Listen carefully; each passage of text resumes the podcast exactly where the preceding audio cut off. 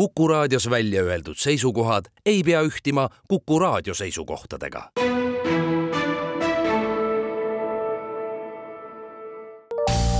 terviseks. Saadet toetab Lääne-Tallinna Keskhaigla, vaata ka keskhaigla.ee tere, head Kuku kuulajad, eetris on saade Terviseks ja kui me eilses saates rääkisime veipimise, huuletubaka ja suitsetamise mõjudest suu tervisele, siis tänasel teemal jätkame. mina olen Ingela Virkus ja koos minuga on stuudios Lääne-Tallinna Keskhaigla hambaravikliiniku ülemarst doktor Krista Vapper, tere taas! tere! kui natukene spetsiifiliseks minna ja võttagi need kõik eraldi lahti, siis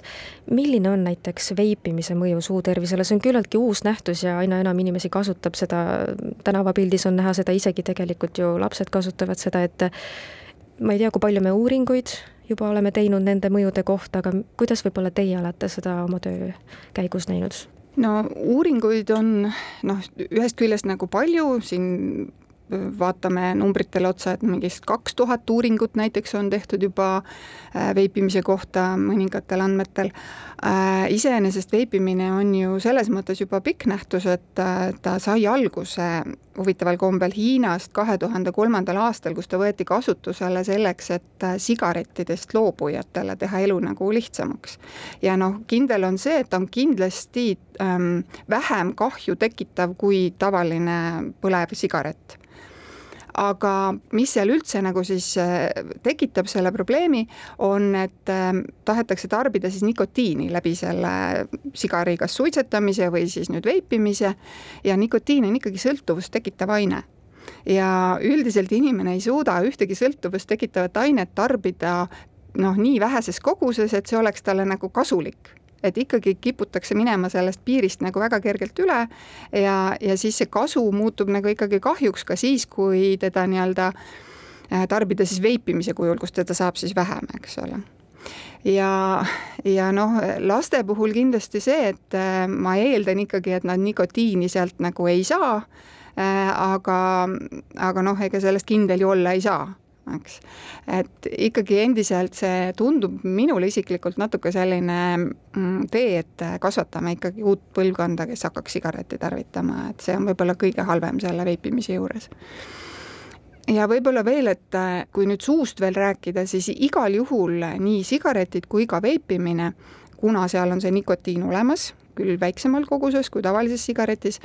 äh, mõjub see meie igemetele et äh, suus igal juhul on see mõju olemas, kui me võime öelda, et veipimine võib-olla üldiselt organismile on vähem kahjulik. Äh, samas kopsuarstid räägivad ka sellisest äh, huvitavast kopsuauru kahjustusest, mis on tekkimas paljudel inimestel, selline huvitav kopsukude, eks, mis vist isegi kutsutakse popkorn kopsuks või kuidagi niimoodi et, et seal selliseid ähm, nüansse võib veel välja tulla ja noh, kui me vaatame täna teaduse kiiret arengut, eks, et äh, kui palju tuleb järjest uusi teadmisi seal peale ja mõtleme selle peale, et äh, hiljuti saime ju teada, et alkohol siiski üldse ei ole kasulik ja vaid pigem igatipidi ikkagi kahjulik, siis äh, ma arvan, et ega me ei ole ka kaugel sellest hetkest, kui see nikotiin osutub ka ikkagi täiesti kahjulikuks kuidas aga mokatubakaga või siis tupsiga või snuusiga või kuidas seda nimetatakse äh,? sellega on jah, on lood veel, veel sellised segasemad, ütleme nii. Sest ähm, noh, mokatubakas, ähm, esiteks ma ei ole isegi nagu päris täpselt aru saanud, kas Eestis on see mokatubakas nüüd lubatud või mitte. Et sellega on segadust, siis mokatubaka võib-olla selline efekt on suule jällegi noh, nagu karmim kui üleüldse organismile, sest täpselt seesama nikotiin siis noh, imendub läbi igeme või limaskestade. Et kui ta üldiselt organismis siis väikeses koguses võib-olla midagi kahju ei tekita, siis ikkagi sellele igemele, äh, kus me nagu rääkisime sellest nikotiini võimest äh, vähendada või ahendada veresooni, teha siis nagu verevarustust väiksemaks ja vähendada sellega hapnikku kudedes Äh, see ju täpselt ikkagi toimib ja toimib veel lokaalsemalt ja konkreetselt sellele kohale et see suukahjustus võib-olla mokatubaku puhul on nagu olulisem, kui see üldiselt organismile kahjulik on. Äh, samas kirjanduse järgi jälle mokatubakas tuuakse välja just eriti vähki tekitavana, ka suuõõnevähki tekitavana. no omakorda jälle uurides kirjandust, äh, vaatame Rootsi andmeid, nagu ei kinnita et äh, mis oli veel huvitav, mis tuli Rootsis nagu välja ühest uuringust, mida ma lugesin, et äh, Rootsis meeste hulgas näiteks tavalise sigareti suitsetamine on viis protsenti populatsioonist, kui Euroopa keskmine on kakskümmend viis et ja Rootsis on siis äh, see mokatubakas väga levinud ja noh, juba kakssada aastat kasutuses, eks. nii et mokatubakaga on väga-väga segased lood. kuidas alkoholiga on? Et praegu me oleme keskendunud rohkem siis suitsetamisele ja veipimisele ja mokatubakale, aga, aga alkohol käis ka põgusalt läbi, et eh, mis on selle mõjud suuhügieenile? no ütleme nii, et äh, olen kuulnud sellist äh, toredat ütlust ka, et ei, et seda õhtust hambapesu, et seda ma asendan nagu klaasi veiniga, et see ju desinfitseerib. et noh, see absoluutselt ei pea paika, eks ole. et no ma praegu ütlengi nii, et võib-olla see alkoholi kõige suurem kahjulikkus ongi selles, et äh, kui inimene seda tarbib tavaliselt ikkagi, eeldan, et äh, õhtusel ajal, äh, siis kõige suurem kahju ongi see, et tõenäoliselt jääb tal õhtune hambapesu ära. ja see on see kõige suurem kahju, mida ta suuõõnele teeb kas äh, te olete märganud veel mingisuguseid ootamatuid võib-olla või uusi avastusi, et et kasutatakse veel midagi lisaks neile, mida me oleme nimetanud, äh, mis väga oluliselt ikkagi suu äh, hügieeni mõjutab, et kas süüakse näiteks midagi, on mingid trendid, mis justkui peaks olema nagu tervislikud, aga samas tegelikult mõjuvad suule ja hambastele hoopis teistmoodi? No eks siin on igasuguseid asju liikvel, võib-olla mida veel nimetada ära selle mokatubakaga seoses just, et et mujal maailmas kasutatakse ju veel igasuguseid erinevaid mokatubakaid nii-öelda, kõik noh, mis, mis kokalehed ja mis igasuguseid asju, mida püütakse siis närida ikkagi sellel eesmärgil, et saada mingit stimulanti, noh, nii nagu nikotiin ka on stimulant. siis ka neid ju Eestis levib igasuguseid asju, et inimesed reisivad, toovad äh, endale igasuguseid erinevaid vahendeid reisilt kaasa, mida siis seal nähakse ja siis siin kasutatakse. no ütleme, et kui ajutiselt ja natuke, siis on okei okay,, aga, aga see mõõdukus teatud juttudel nagu kipub ära kaduma igasugustes asjades, nagu me rääkisime siin nikotiinisõltuvuse äh, tekitavast omadusest. Aga võib-olla noh, huvitavad on siin need juhtumid, kus siis püütakse pihlakooksaga näiteks hambaid pesta et äh, vanad indiaanlased ju kasutasid seda vahendit, et, et närisid oksa, millega siis hambaid puhastati, eks, et et noh, need kõik on tore selline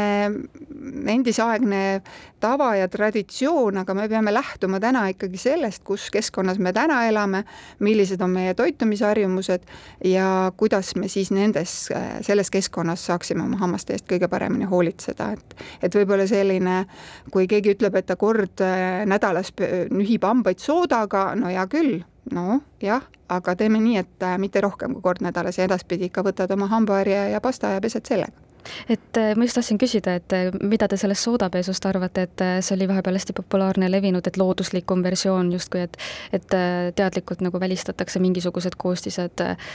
mida tavaliselt siis poes müüdavatest hambapastadest võib leida, et kas tasub nendest siis eemale hoida ja eelistada mingeid looduslikemaid variante või, või kui tasub eemale hoida, siis millest täpsemalt? No mina armastan sellistele küsimustele alati vastata sellega, et noh, tegelikult on hambapesuks vaja ainult hambaharja ja hambaniiti et see, millist pastat te kasutate või mida te sinna peale määrite, on suhteliselt äh, teisejärguline. aga see on selline üleüldine põhimõte, et siit peab välja lugema selle, et kõige olulisem on see mehaaniline puhastus. millega te selle puhastuse nüüd saavutate, on teine küsimus. aga nüüd, kui tulla selle juurde, et võiks asendada näiteks hambapasta näiteks täitsa ainult äh, äh, söögisoodaga hõõrumisega, siis seda ma kindlasti ei soovita, sest esiteks ta võib olla mehaaniliselt kahjustav ja teiseks on see, et, et noh, sooda on siiski aluselist keskkonda soodustav. Ja kui te nüüd äh, kogu aeg tahate oma suud väga aluseliseks teha, siis äh, võib juhtuda, et äh, teil hakkavad arenema aktiivselt igemahaigused, mis on selles keskkonnas paremini arenevad kui neutraalsemas keskkonnas. Kui nüüd tulla tagasi selle juurde, et milline on veipimise, huuletubaka ja suitsetamise mõju suu tervisele, siis eelmises saates me põgusalt käisime selle läbi, et Te mainisite ka, et äh, võib-olla võiks ka hambaarstid rohkem äh, nõu hakata andma siis oma patsientidele, et kuidas nendest asjadest loobuda, et kuidas see nõuandmine välja peaks nägema, et äh, ma arvan, et need inimesed on nii palju kuulnud seda, et kuule, aga äkki sa nüüd lõpetad selle suitsetamise ära, et aga on siis mingi praktiline või niisugune hea soovitus, millest tõesti saabki nagu kinni võtta kohe ja, ja motiveeriks tõesti seda tegema? jaa, mina arvan, et meil on üks äh, hea vahend, on see, et äh, kui need kahjustused on ikkagi nähtavad, siis see võimalus, et sa võtad nagu peegli ja näitad inimesele, et vaata, mis juhtub eks. et äh, just seesama, millest ma rääkisin varem, et äh, need igemed ei veritse, aga muutuvad selliseks äh, valkemaks või hallikamaks näiteks. Ähm, ja, ja siis see teine pool jälle, kui on äge igemepõletik mingitel juhtudel, mida võib seostada siis nende kahjulike harjumustega, siis seda kõike saab inimesele nagu konkreetselt näidata ja pakkuda siis lahenduseks, et aga proovige vahelduseks, et noh, proovige vähendada kõigepealt oma neid koguseid ja, ja noh, võib-olla siia juurde tasuks rääkida ikkagi see jutt ka, et äh, kui nüüd äh, hambaarst on suutnud inimese viia sigareti suitsetamisest loobumiseni, ta ei lähe sealt üle ka näiteks ähm, veipimise peale, vaid noh, loobubki. Aga siis ta tuleb aasta pärast tagasi ja ta on kakskümmend kilo raskem ja hambad, mis enne olid suus terved, on hakanud lagunema, sellepärast et ta on oma ühe sõltuvuse, nikotiinisõltuvuse asendanud suhkrusõltuvusega siis noh, see ei ole ka hea variant, eks. ehk siis see tähendab seda, et kui me alustame seda nõustamist ja tõesti seda tõsiselt teeme, siis lisaks sellele, et me anname inimesele nüüd nõu ja motiveerime ja räägime, siis kindlasti peaks need vahed, kus inimest nagu jälle vaatame, noh, kutsuda läbivaatusele olema vast väiksemad kui ainult kord aastas näiteks siis poole aasta tagant? no see sõltub nüüd konkreetselt olukorrast, jah, aga noh, antud näite puhul siis oleks pidanud võib-olla juba nelja kuu pärast vaatama, et kuidas tal läheb aitäh teile saatesse tulemast, Lääne-Tallinna Keskhaigla hambaravikliiniku ülemarst doktor Krista Vapper ning palju jõudu ja jaksu teile! aitäh teile! terviseks saadet toetab Lääne-Tallinna Keskhaigla, vaata ka keskhaigla.ee